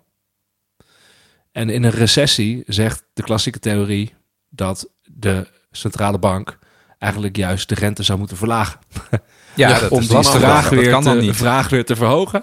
Misschien zijn ze nu aan het verhogen, zodat ze hem in de recessie straks kunnen Nee, verlagen. dus de- het is gewoon interessant wat er komend jaar aankomt. Je komt in een soort eh, grote discussie met aan de ene kant moet die rente verder omhoog. Aan de andere kant wil, gaat de overheid wel of niet bezuinigen. En aan de andere kant krijg je discussies over de, over de koopkrachten. Moeten de lonen omhoog en dergelijke. Dus het wordt gewoon een, een mooi spel wat op de wagen is. En best wel ook een, eh, een, eh, eh, een interessante discussie met heftige politieke keuzes. Terwijl je dus weet dat eh, de, de regering in Nederland... in ieder geval de meerderheid in de Eerste Kamer kwijt gaat raken. Nou, dat is natuurlijk interessant. Ja, en dan wil ik nu wat bruggetje maken naar eh, een aanverwant thema, namelijk de, de dalende levensstandaard. Het, we hebben het daar wel vaker over gehad, maar het CBS heeft natuurlijk alles met inflatie te maken. Het CBS had gisteren of zo, of eergisteren, cijfers over de loongroei eh, en de inflatie. En als je dan de, hè, de, de, de, gewoon de loongroei in euro's, eh, in procenten, als je dat dan eh, de inflatie daarvan aftrekt, dan heb je natuurlijk de echte loongroei, de reële loongroei. Dus kun je ook echt meer spullen kopen, of niet? Ja, die is, die is dus min 6 procent eh, in Per jaar. 2022. Ja. Ja, ja, per jaar. Dat is nog nooit zo, of nog nooit, dat weet ik niet. Maar dat is zolang eh, die datareeks eh, liep, was het nog nooit zo hè? groot geweest. Dat is gemiddeld, ja. Dus je hebt ook mensen die, eh, die hebben geen loongroei en die hebben wel die, eh, die extra kosten. En mensen met weinig geld, die, die, die worden het hardst getroffen vaak. Want die hebben dan natuurlijk relatief hoge energielasten als percentage van hun totale uitgaven. En wat, het punt wat ik wil maken, Nederland heeft natuurlijk decennia, of natuurlijk, dat is zo. Nederland heeft decennia lang een soort politiek gevoerd van loonmatiging. Hè, vanaf het eh, akkoord van Wassenaar en verder. En, da- en daarvoor ook al, vanaf de oorlog eigenlijk. Ehm, maar nu zie je dat die lonen gewoon niet willen groeien. Niet voldoende willen groeien om eh, de inflatie bij te houden. Eh, en dit is ook een beetje zo'n ding van, ga je dat afwachten of niet? Blijft dat zo, hè? Want mensen komen niet rond. De overheid gooit miljarden over de balk, zou je kunnen zeggen. Het is Ja, dat is goed om even nog op bij te zeggen. hè, Want jij hebt het over zeg maar, de reële loongroei, die dus negatief is. Ja, Maar de overheid eh, is daarnaast natuurlijk wel huishoudens aan het helpen met allerlei belastingkortingen en toeslagen. Ja, en met die energiehulp. eh, toeslag, prijsplafond. plafond Ja. bedoel ik. En dan is natuurlijk ook de vraag van eh, hoe lang kan je als overheid dat vol blijven houden? Dus Nou, niet lang, denk ik. nee, nou dat is klopt. Nou, dat is dus een vraag hè, die volgend jaar ligt. Van en jouw punt is terecht. moeten dan inderdaad bedrijven toch, toch de lonen extra verhogen? Ja, Want in ieder je geval nu kunnen we sowieso wel zeggen dat de hele, hele angst voor een loonprijsspiraal die er zou Nou, zijn. die Nou, is daar hoeven we niet bang voor te 100% zijn. ongegrond. Ja. Ja. Als je dat roept, dan ben je of dom of je bent slecht. Want het is gewoon totaal niet eh, aan de hand. Ik kan me ook, dat is ook wel weer de tiende keer dat ik nu dit aansnijd, maar die, die, algemeen, die Algemene Werkgeversvereniging Nederland, dat haalt mij zo ongelooflijk Hebben we nog een keer iemand van de nagels. Ja, die was prima. Die daar heb ik niks tegen. Anne ik bedoel, Megens. Heb ik Anne. overigens vanochtend mijn koffie gedronken. Was heel gezellig. dus dat is van de show. Die is prima. Die, en die, wilde, die vroeg zich ook af wanneer, wanneer er een nieuwe aflevering Studio Tegengif zou komen. Maar eh, ik zal, ze zal dit nu luisteren. En nou ja, Randy, die, eh, Ja. die eh, Anne, zoek even andere uit te leggen. Ja, nee, nee maar die club, kijk, die club die roept de hele tijd... ja, de loongroei is historisch hoog, dat soort dingen. Maar dat, dat is dus omdat het 3% is of zo, hè, of 3,3% stijgt Zijn die dan slecht omdat ze bewust inflatie niet willen snappen? Ja, dat vind ik... Dat Want je zei dom dus of on- slecht. Dat vind ik dus onwaarachtig, ja. En ik vind dan ook dat je je, verantwoord- je maatschappelijke verantwoordelijkheid niet neemt. Want eh, als je een beetje macro-economisch denkt... en ook als je gewoon denkt in het belang van eh, je mede-Nederlanders... dan moeten die lonen, die moeten harder groeien dan ze nu groeien. Anders ontstaat er een mega maatschappelijk probleem. En dat is al aan het ontstaan. Want mensen komen, eh, komen slecht rond. En mensen met weinig geld geven ook weinig geld uit in de economie. Dat is allemaal best wel eenvoudig te begrijpen. Maar de kernvraag is, en dan eh, anders lul ik veel te lang. De kernvraag is, wat doe je nou wanneer die lonen steeds maar niet voldoende gaan groeien? Eh, wat ga je Nou, dan doen als ik- politiek? Nou, ik, ik- weet je wat mij verbaast? En ehm, soms dan is de UK toch wel een interessant, niet een voorbeeld, maar gewoon een interessant iets om naar te kijken. In de UK heb je nu de godganse tijd stakingen. De, de kranten staan vol met iedere week is er weer een sector die, die aan mas het werk neerlegt. In Nederland, eh, nee, dit is gewoon even chillen. Eh, in Nederland hoor je de vakbonden nu steeds meer. Hè? Je hebt steeds meer Ja. sectoren waar het ook een beetje Looneis begint, eh, 14 procent. Ja, echt, echt radicaal logisch. in het openbaar vervoer, in de zorg, in het onderwijs. Ehm, ik denk dat 2023 ook ehm, een spannend jaar wordt voor de, de mogelijke return of the union. Ehm, eh, want die hebben we de afgelopen 20 jaar. We hebben ook iemand van de vakbond trouwens eh, eh, te gast gehad. Dankjewel, Linda. Ehm, eh, en in de UK zie je dus Ga al wat dat, wat dat kan betekenen als hele sectoren gewoon allemaal het werk stilleggen, omdat hun mensen niet meer rond kunnen komen. Omdat ze gewoon zeggen, ja, wij kunnen wel weer eh die treinkaartjes blijven knippen, maar... eh, Maar dat eh, gaat hier ook gebeuren. Want mensen zijn het helemaal Precies. zat. Ehm, dus, en dus de, wat, wat interessant is, is wat gaan die vakbonden doen? Gaan die ehm, echt radicaal durven hun eisen flink hoog te blijven stellen? Ehm, of gaan die mee in dat verhaal van ja, we moeten wel de, de MKB beschermen, want anders worden de loonkosten te hoog en hun inkoopkosten zijn ook gestegen, bladibla. Kijk, iedereen die, die wel eens een maffiafilm kijkt, die weet dat hè, daarin wordt uitgelegd door mensen die, eh dat is misschien een beetje een rare parallel, maar door mensen die beroepsmatig geweld gebruiken, als zijn de maffia vind hem leuk. dat, dat die zeggen, ja, dat is, hij is leuk hè, dat die zeggen, je moet, als je binnenkomt en je gaat iemand intimideren, je moet hem eerst slaan. En dan zeg je eh, wat je wil. Want als je binnenkomt en je zegt, nou, ik wil dit en anders ga ik je slaan, dat geloven mensen toch niet, of zo. Eh, en dat zou ik ook tegen de vakbond willen zeggen. Je moet nu eerst een keer je tanden laten zien. Want zo'n looneis van 14% is natuurlijk terecht en mooi. Maar eh, bedrijven lachen daar natuurlijk nog een beetje om. Want zij denken, ah, ja, dit, dit gaan we wel winnen. Hè? We, gaan, we komen gewoon weer met, eh, weet ik veel, 2% of zo, of 3% maximaal. En dat doen we net alsof dat heel veel is. Terwijl de inflatie drie keer zo hoog is. Ehm, ja, dat gaat dus niet werken. En ik denk dat het ook heel snel op een breekpunt komt al hoor. Dat mensen gewoon niet rondkomen. En dat je, dat je nou ja, echte ouderwetse of Britse, Engelse arbeidsonrust krijgt. Waarbij je wilde stakingen hebt van mensen die, die, die het gewoon niet meer pikken. Denk jij, Wiemer? Ik eh, denk, ja, dit is de sociologie. Is een grap. Mooi thema dit. Wat zegt Mooi Weber thema. hierover? Samenleving, de sociale Mensen relaties, gek, machtsstructuren. Eh, nee, dus ik, eh, maar- ik maak even een grapje. Maar ik denk wel van... ehm, dit is natuurlijk wel interessant. Van, er moeten echt keuzes gemaakt worden komend jaar. Dus de, de vraag is ook gewoon... wie gaat deze rekening betalen? We worden armer met elkaar door die inflatie. Ja, wie gaat de rekening dan weer betalen? Gaat dat, via de, gaat dat via de overheid betaald worden? Geleend? Maar dus eigenlijk, waardoor dus toekomstige generaties het gaan betalen? Gaan eh, werkgevers eh, voor een deel te betalen? Door bijvoorbeeld eh het loon inderdaad te verhogen? Gaan werkgevers het betalen? Of sorry, werknemers het betalen? Door niet de lonen te verhogen? Of gaan we nog op de, de uitgaven van de overheid eh, verminderen? Kan natuurlijk ook, hè? Dus dat we gaan bezuinigen op alle uitgaven of, of belastingen verhogen. Je kan natuurlijk belasting op vermogen verhogen, waar we het eerder over hebben gehad. Dus er komt wel een vraag van wie, wie gaat hier eh, de rekening eh, betalen? En dat is ook wel iets wat er natuurlijk nu gezegd wordt, hè, van het generieke beleid van de overheid, al het crisisbeleid van de afgelopen jaren en ook nu het afgelopen jaar de energiecrisis. Generiek beleid, iedereen steunen, het kan niet meer. Er moet er nu eigenlijk specifieker beleid gemaakt gaan worden, keuzes gemaakt gaan worden. Dat gaat komend jaar komen. Wie gaat wie gaat hier aan de lat staan? Ja, en ik vind het voor mij is het ook een principe kwestie dat mensen die fulltime werken, moeten daar gewoon van rond kunnen komen. Ja. Eh, en dat is, eh, dat is nu niet zo, want eh, mensen aan de onderkant van het salarisgebouw, die hebben, die hebben structureel heel veel steun van de overheid nodig om een heel sober en normaal eh, leven te kunnen eh, leiden. Ja, dat vind ik raar. Interessant. Dat, eh, betaald. had jij gezien dat eh Arnoud Boot, professor economie volgens mij in Amsterdam, dat hij eh, die zit nu op eh BNR Nieuwsradio volgens mij elke dag of eh, met, met om, rond Elke 12 dag? uur met een elke dag volgens mij wisselt het om met Edin Mujagic. eh, Oh, die schrijft eh, van, nee, van- eh, dat, eh, dat van- boek, van- eh, Keerpunt 74. Even heb ik het jaartal 72. fout. 72, sorry. Ehm, volgens mij. Maar iemand, Wouter mag nu googlen. Ehm, maar die Ik zei ook, Arnold Boot, Arnold Boot zei ook van... eh, het gaat iets fout in Nederland op de arbeidsmarkt. Omdat we Ja. structureel eh, eigenlijk fout. loonkosten moeten bij eh, plussen bij gezinnen met toeslagen en allerlei kortingen om huishoudens rond te laten komen. Dus eigenlijk is het, worden er worden er te lage lonen betaald in Nederland. Dus je hebt een, eh, je, je oproep is eh, gevolgd eh, door eh Arnoud Boot, Randy. Moedigend. Hey, Ja, maar dit is academisch een ook niet zo'n heel ingewikkeld verhaal.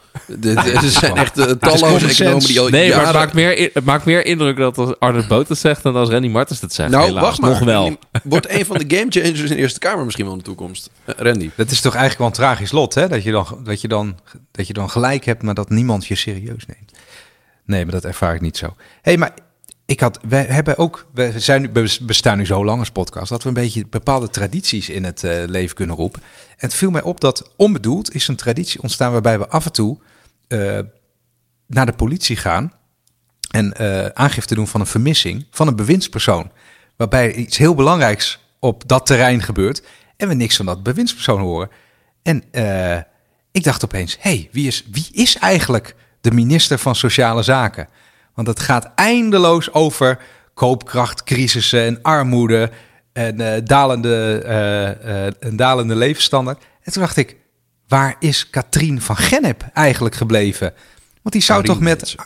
Karien, kijk, ik weet niet, hoe ze, hoe, ik, weet- ik weet niet eens hoe ze heet. Deed je het expres? Zo lang is ze niet... nee, ik denk niet eens expres, had gekund. Zo lang is ze niet zichtbaar geweest. Want die zou, daar hebben we ook eens een keer een podcastje over gemaakt. De commissie Borstlab, die, zou, hè, die, die ging de doorgeslagen flexibilisering aanpakken. Zij zou met arbeidsmarktplannen komen. Nou ja, dat wordt toch nou inmiddels wel een keer een beetje tijd, eh, zou ik zeggen. Ja, maar om dit die, is dus eh, wat ik net zei. De, die arbeidsmarktplannen eh, die gaan dus ook niet op tijd komen voor dit kabinet of voor de Nee. nieuwe Eerste Kamer. Dus dit wordt, dit wordt iets in, de, in een andere politieke samenstelling. Bij andere of er politieke gaat gewoon niks... En ook andere machtsverhoudingen gewoon helemaal niets ook, hè? Dus dit, is wat er dus gaat gebeuren het komende jaar. Kan ook, ook niks gebeuren. Het komend jaar worden de, de verhoudingen in de polder tussen werknemers en werkgevers worden echt anders door die inflatie en door die looneisen. Eh, dat gaat echt veranderen. De positie van de vakbond wordt sterker, als het goed is, komend jaar. En daarnaast zal je zien dat de politieke macht van het kabinet dus minder wordt door de verkiezingen. Dus er, er gaan echt politieke verhoudingen gaan veranderen en ook dus de, de arbeidsrelaties gaan echt veranderen. Dat gaat, gaat veel doen.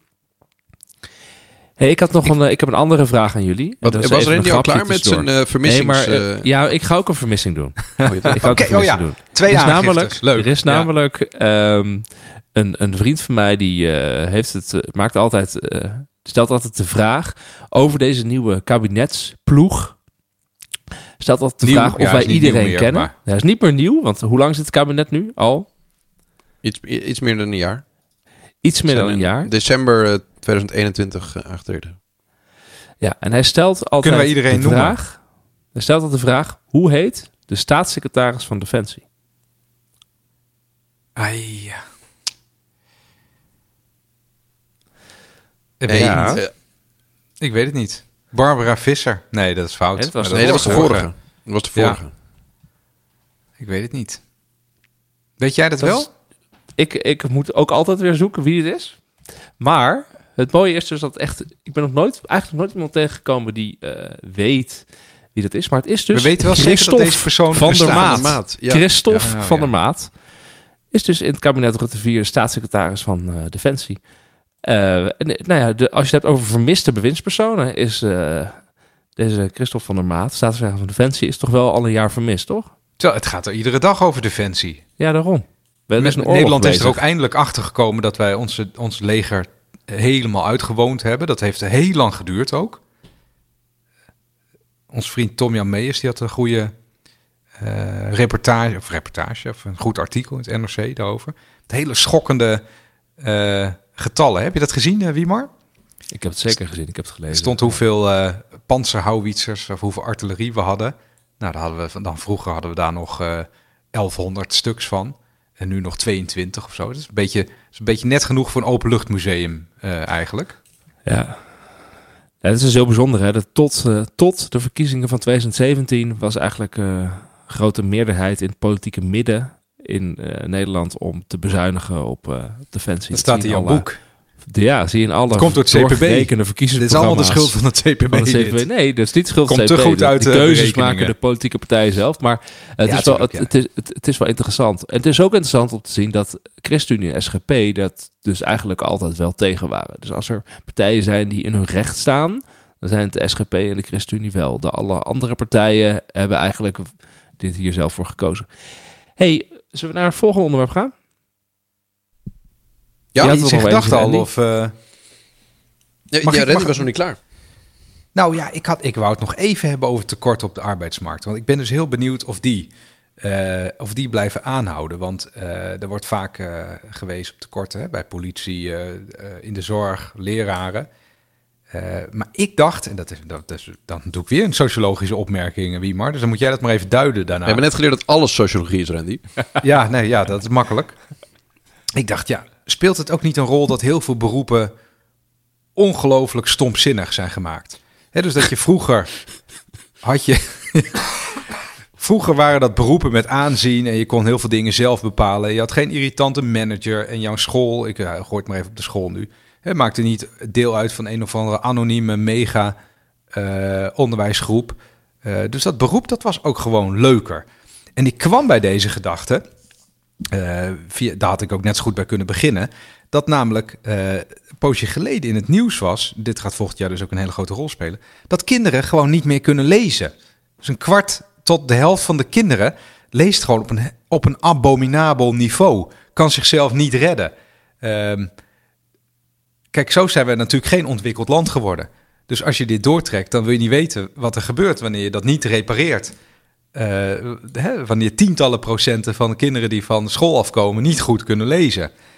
En wat gebeurde er toen? Uh, de minister van Onderwijs, hoe heet hij ook weer, Dennis Wiersma, die kwam met een plan om. Uh, toen dacht ik namelijk, oh, kinderen kunnen niet lezen. Nou, het komt natuurlijk door twee dingen: lerarentekort en een mobiele telefoon. De hele tijd erbij in de klas. Helemaal niet zo heel ingewikkeld in feite, want we weten eigenlijk al 2000 jaar hoe we kinderen moeten leren lezen. Maar nee, dat, dat werd allebei niet genoemd. Nee, er moesten expertteams komen. En die expertteams die gingen dan langs scholen. Uh, en die gaan dan denk ik achter de klas zitten. erbij. En die gaan dan aan leraren uitleggen hoe ze kinderen moeten leren lezen. En toen dacht ik, weet je, ik kan mij heel goed voorstellen dat ik voor de klas zou staan. Net als uh, Mark Rutte. Dat lijkt me eigenlijk best wel leuk. Hartstikke nuttig. Iedere dag ben je nuttig bezig. Maar het idee dat er dan een of andere expert achter in mijn klas zou gaan zitten om mij dan nog hè, op de vingers te kijken en uit te leggen hoe ik het moest doen. Toen had ik er acuut geen zin meer in. En toen dacht ik, die tekorten in het onderwijs, ja, zijn die ook niet deels veroorzaakt door dat soort, uh, nou ja, irritante dingen, zou ik kunnen zeggen. Ja, jij, is dit sociologisch, uh, Wiemer, nee. of wat, wat? Ja, ja, alles is socioloog. Hebben Psychologisch. Nee, maar wat, jij raakt eigenlijk aan wat mijn... Uh, ik, had, ik had een heel lijstje met punten, maar dit, dit was het, het samenvattende bovenliggende punt. Um, dat als er een politieke partij is die echt een soort van groter verhaal wil organiseren over hoe je die onvrede uh, kunt adresseren en ze willen daar een mooi ding op hebben, of een mooi verhaal op hebben, zou je volgens mij heel veel kunnen uh, bouwen op het wegorganiseren van de controlerende klasse in Nederland. Alle mensen. Dat moet je die, even uitleggen. Ja, nee, dat, de, de, die zich bezighouden met het. Uh, eigenlijk de overhead zou je het in een bedrijf noemen. Um, in de. Eigenlijk de, de belangrijkste onderdelen van ons land. Het onderwijs, de volkshuisvesting, de zorg en de sociale zekerheid. De zaken die in de grondwet staan, dat de overheid, waar de overheid verantwoordelijk is voor, om in het leven van mensen te organiseren. Klagen alle mensen die het werk doen, dus de leraren in het onderwijs, in het volkshuisvesting, de mensen die huizen uh, maken voor mensen die huizen nodig hebben. In de zorg de artsen en de verplegers. In de sociale zekerheid de mensen die zorgen dat mensen die het nodig hebben een klein stukje extra hebben. Klagen over de hoeveelheid controlerende elementen in hun werk. En de hoeveelheid overhead die er is en de hoeveelheid ja, um, bureaucratie die er bestaat. Ja. En dat die toegenomen is. En dat dat... De vijf minuten norm. En niet alleen de mensen die er dus in werken, maar ook de mensen die het afnemen. De mensen die er uh, profijt van moeten hebben. Eigenlijk de maatschappij. Uh, klaagt over de, de, de, de toegenomen overhead. Um, uh, die niet de core business is. Dus stel je bent de koekjesfabriek uh, en, en onderwijs is de koekjesfabriek, dan ben je ontzettend veel bezig met de inrichting van de kantine en ja, het is uh, eigenlijk, eigenlijk is denk ik heel simpel. Ik denk dat het dat samen te vatten is als je zegt in de Tweede en straks in de Eerste Kamer dat er een controlerende macht bij de volksvertegenwoordiging ligt. Maar eigenlijk worden in Nederland de onderwijzer, de politieagent, Iedereen de verzorgende, de bouwer, uh, ongeveer elke publieke dienst in Nederland en uh, zeg maar maatschappelijke private dienst wordt veel vaker, intensiever en beter gecontroleerd dan de regering zelf door de Tweede en de Eerste Kamer. Ja. Nou, er zijn in ieder geval Stellingje. meer mensen bezig om de vogel die het werk doet heel erg te controleren en daarmee van het werk af te houden. Ja, maar vind je het dan gek dat, dat er dat, hè, eh, in het onderwijs zitten meer mensen achter een bureau? Eh, zijn er meer mensen bijgekomen die achter een bureau zitten in de afgelopen tien jaar dan het Even zo hele in de zorg. tekort groot is? Dat in de zorg zal dat inderdaad net zo zijn. Maar vind je dat ook gek dat mensen zeggen: Nou, haal mij maar uit het primaire proces en stop mij maar ook in die management eh, leemlaag. Krijg je, verdien je ook nog eens meer. Je verdient meer, je hebt meer status en eh, je zit aan risico's. de goede kant van je zit aan de goede kant van het, van het gek maken. Ik snap het heel goed, maar tegelijkertijd is het toch heel vreemd dat je, eh, als je dit dus vergelijkt met waar we een eerder podcast over gemaakt hebben, dat dus, zeg maar, de ondersteuning van de Kamerleden, dat dat al tientallen jaren gewoon achterblijft, niet uitgebreid wordt en er niks bij komt. Maar in het onderwijs en de zorg en de politie en de bouw en de, noem het allemaal maar op, eh, bouwen juist een enorme controle toren eromheen. En dat komt waar mensen dus maar- beter, in, beter ook meer in kunnen eh, verdienen eh, en zelf niet dan onder toezicht staan. Dat komt omdat al die beleidsacademici en beleidseconomen die werken op ministeries en beleidsafdelingen van al die sectoren waar we het over hebben, als oplossing van iets dat niet functioneert, telkens zien, dan gaan wij het beter eh, controleren of wij gaan er een nieuwe theorie op plakken die uitgaat van de ra- rationele actoren en dan gaan de mensen die de productie moeten leveren, die het werk moeten doen, het wel beter doen. Dus we gaan een of ander aanjaagteam instellen. Of een, eh, een, eh, een, een versnellingskamer, governance erop. Eh, of we gaan een blik consultants opentrekken die een rapport gaan schrijven over hoe het beter kan. Ehm, en ik denk dat onder deze maatschappelijke trend, die eigenlijk over alle sectoren heen gaat, zit een soort onvrede. Dat mensen die in heel veel van die sectoren werken, dit zien en doorhebben. En denken van, ja, maar oh, ik wil toch gewoon mijn werk doen. Ehm, en eh, en telkens als er dan zich weer een probleem voordoet, dan wordt dat voorgelegd aan de beleidsacademici en de beleidseconomen, die alleen maar in hun instrumentenkist hebben het instrument van Meer meer controle. controle en meer, laat meer zeggen, verantwoording. Meer ja, precies, meer verantwoording. Het moet transparanter. U moet, alles, u moet al uw e-mails nu ook transparant gaan maken. U moet bonnetjes overleggen van iedere pinda die u koopt. Eh, en de- en die, die, die leraren denken, ja, maar hier gaan kinderen niet beter van lezen. Nee, natuurlijk niet. Dat blijkt ook dus. Maar ja, hoe lossen we dit op dan? Want iedereen roept altijd dat ze dit willen oplossen. En het wordt ieder jaar erger.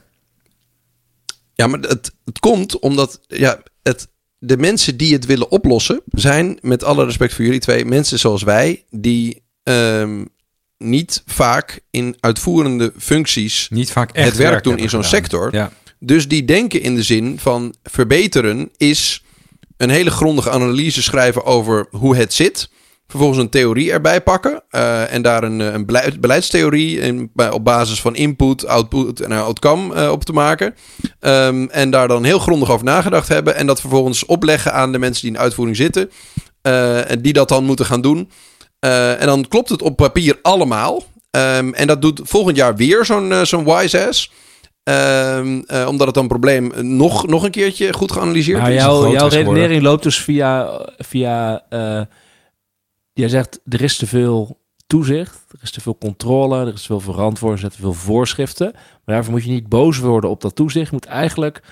Komt dat omdat we te veel eh, beleidsmensen hebben? Want die beleidsmensen die verzinnen alle toezichten, de verantwoording en de regelingen. Nou, de, en het, het gekke is, die beleidsmensen worden niet getraind omdat de echte machthebbers daar niet op uitkomen, omdat het politieke debat te veel overmorgen of op morgen gericht is, op ehm, versimpeling van het hele systeem. Dat is wa- wat, want wat ik net beschreef zijn nog steeds allemaal uitwassen. Dat je dus die beleidseconomen en beleidsambtenaren helemaal de vrije hand geeft om een immens complex eh, we- wereldbeeld los te laten op ehm, waarbij je uitgaat van rationele mensen die die, en ieder deelbelangetje in de maatschappij dat eh, ge- gemaximaliseerd moet worden. En, en daarmee eh, maak je een ontzettend rechtvaardig, maar onwerkbaar stelsel. Maar ik denk dat uiteindelijk daarboven het grote probleem is dat de hele boel zo godschuwelijk complex gemaakt is. Terwijl het gaat over vrij simpele voorzieningen. Kinderen leren lezen. Zorgen dat mensen een bestaansminimum hebben. Zorgen dat mensen een dak boven hun hoofd hebben. Het zijn hele simpele dingen. Dat draait vaak om wantrouwen, volgens mij. Ik weet niet of ik hem daarmee helemaal op zijn kop sla. Ja, van die, van die wise asses zoals wij. Die gaan zich er dan mee bemoeien hoe jij je werk doet. Eh, en, en daarom heb jij geen zin meer om dat werk te doen. En daarom heb je kort- tekorten in die sectoren. Ik denk eh, dat dat goed zou kunnen. hey, ik had voor wel uit ervaring zeggen dat eh, in het onderwijs colleges en werkgroepen geven aan de universiteit, wat ik nog steeds doe, dat hetgene is waar je het minst naar uitkijkt of het minst door gestimuleerd wordt. Alle procedures, verantwoordingen en dat soort zaken zijn.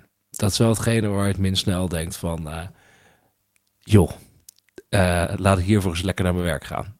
dat is Gewoon lekker. Lekker de administratie doen. Lekker de administratie. Daarvoor ben je inderdaad onderwijs in gegaan. Eh, nee, dat, dat is natuurlijk niet zo. Dat is, Er is toch ook geen verpleger die zegt... ja, ik ga de zorg in omdat ik 50% van mijn tijd wil besteden aan verantwoording? Nee, natuurlijk niet. Geen één. Misschien is dat te makkelijk gepraat, hè, maar ik, ik, ik verbaas me er ook wel eens over dat mensen het allemaal maar blijven doen. Want ik las eh, recent ook nog zo'n verhaal van iemand die wilde dan een, een, nou ja, echt letterlijk een paracetamol geven aan een oudere. Eh, maar dat mag dan volgens de procedure daar alleen eh, na consultatie van een huisarts. Dus eh, dan moet zo'n persoon eerst een huisarts bellen en die zegt dan ja hoor, geef maar paracetamol. Nou, dan schrijven ze dat op en dan geven ze die paracetamol. Maar ik denk, ik, ik, zou dat, ik zou dat telefoontje niet plegen, denk ik. Ik zou gewoon opschrijven, ja hoor, ik heb gebeld. Oh joh. Ik zou het dan Ja, niet mijn, vrouw is huisarts, die kan hier echt uren over ranten. Over wat, wat voor regels er allemaal zijn waar huisartsen aan gebonden zijn. Die meer, nou, laten we zeggen, belemmerend werken dan enablend. Maar dat is Eh. toch ook zo'n beroep wat helemaal kapot gemaakt is, Wouter? Dat, dat zou je dan thuis ook eh, eh, aan de keukentafel horen. Dat is toch Ja. niet leuker op geworden de afgelopen weet ik veel hoeveel jaar. Hey, dat is ook waarom er meer huisartsen stoppen dan dat er nieuw beginnen. Ja, Eh, kun je dus ook niet en dat is echt een heel groot probleem in dit land. En dat is, weet, trouwens, weet je waar, waar dat vooral raakt? In de krimpregio's. Omdat die huisartsen vervolgens Ja. ook nog eens allemaal niet in de krimpregio's willen zitten. En wat, wie zit er wel in die krimpregio's? Oudere mensen. En we hebben er meer huisartszorg nodig? Oudere mensen. Ja.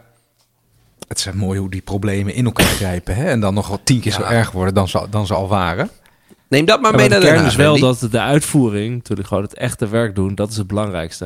Dus op het moment dat je daar te veel eh, toezicht, voorschriften, verantwoording, eigenlijk alles, eh, regulering, alles wat afschrikkend is, opzet, heb je met elkaar wel een probleem in je land op langere termijn. Dat is wat je nu volgens mij wel ziet gebeuren.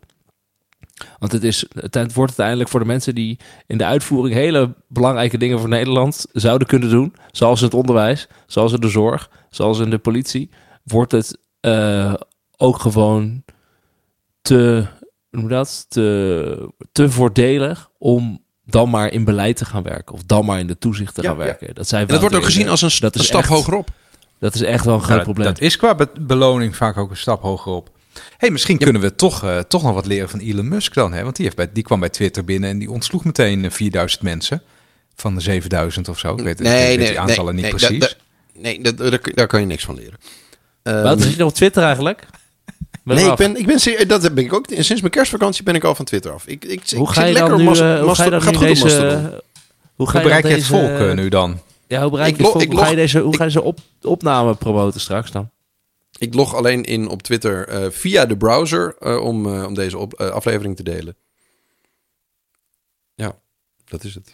Maar even toch even mijn punt makend, Wouter. Er waren Ja. heel veel mensen, zoals jij, die zeiden... Ik plak het nu even op jou, dat is lekker gemeen. Die zeiden, ja, Twitter dat, dat stort nu technisch binnen de kortste keren in elkaar. Want er zijn allemaal... Er zijn veel te veel mensen ontslagen.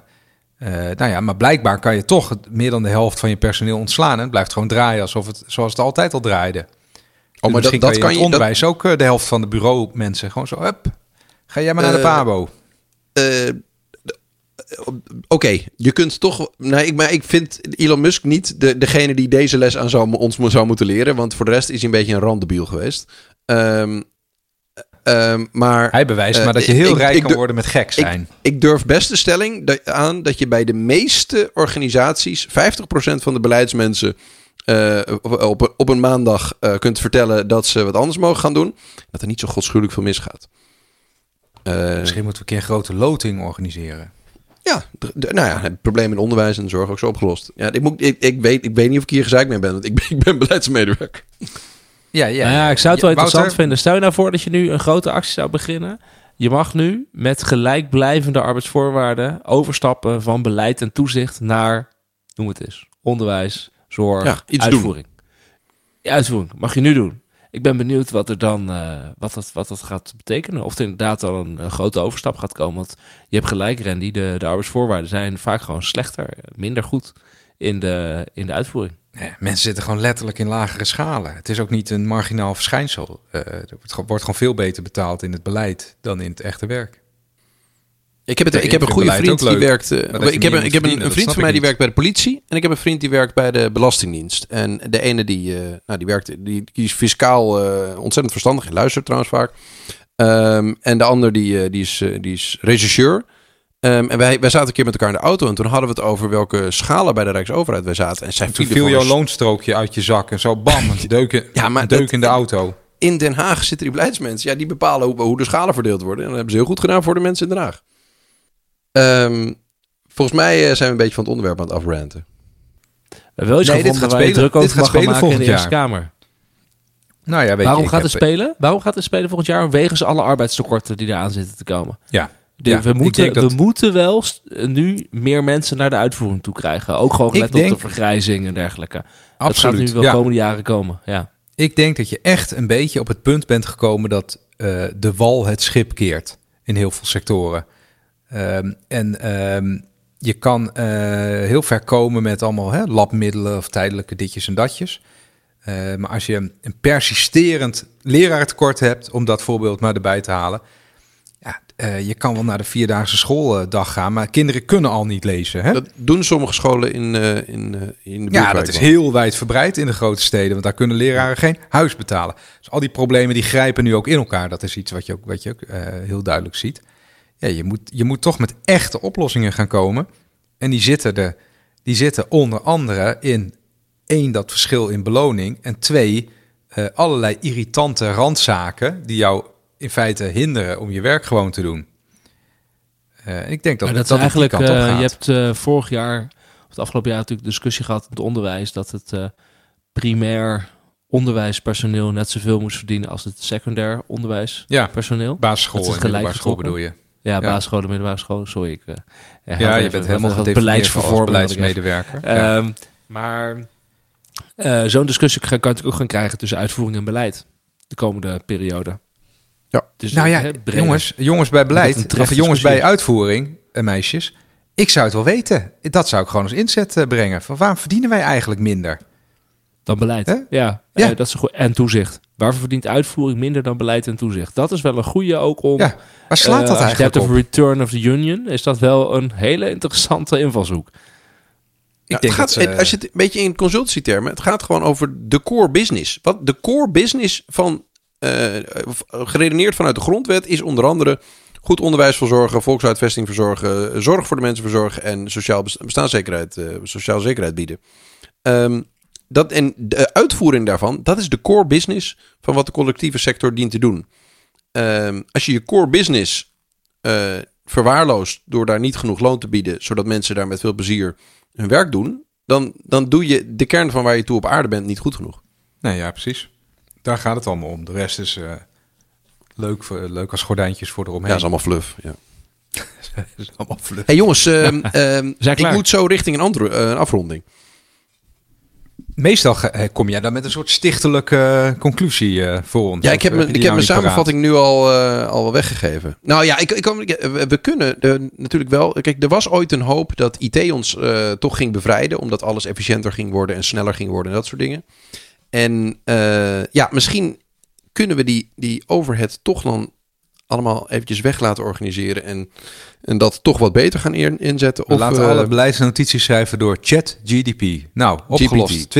20.000 mensen eruit. Nou, ik, ik heb hem al een Kamerbrief die door mij en mijn collega's wa- was geschreven laten herschrijven. En ja, dat, eh, we vroegen van schrijf dit simpeler op. Dat kun je gewoon vragen. En dan maakt hij er dus ongeveer een soort van B1 Nederlands van. En het kwam er best wel goed uit. Ik vond het angstaanjagend. Nou, mooi. Ben ik benieuwd wat jij volgend jaar gaat doen. Of aan het bed of voor de klas. Hey, lieve luisteraars. Bedankt voor het luisteren. Hebben wij nog mededelingen? Nou, wij We moeten zouden nog even Wim Brons bedanken. Van uh, Wim Brons.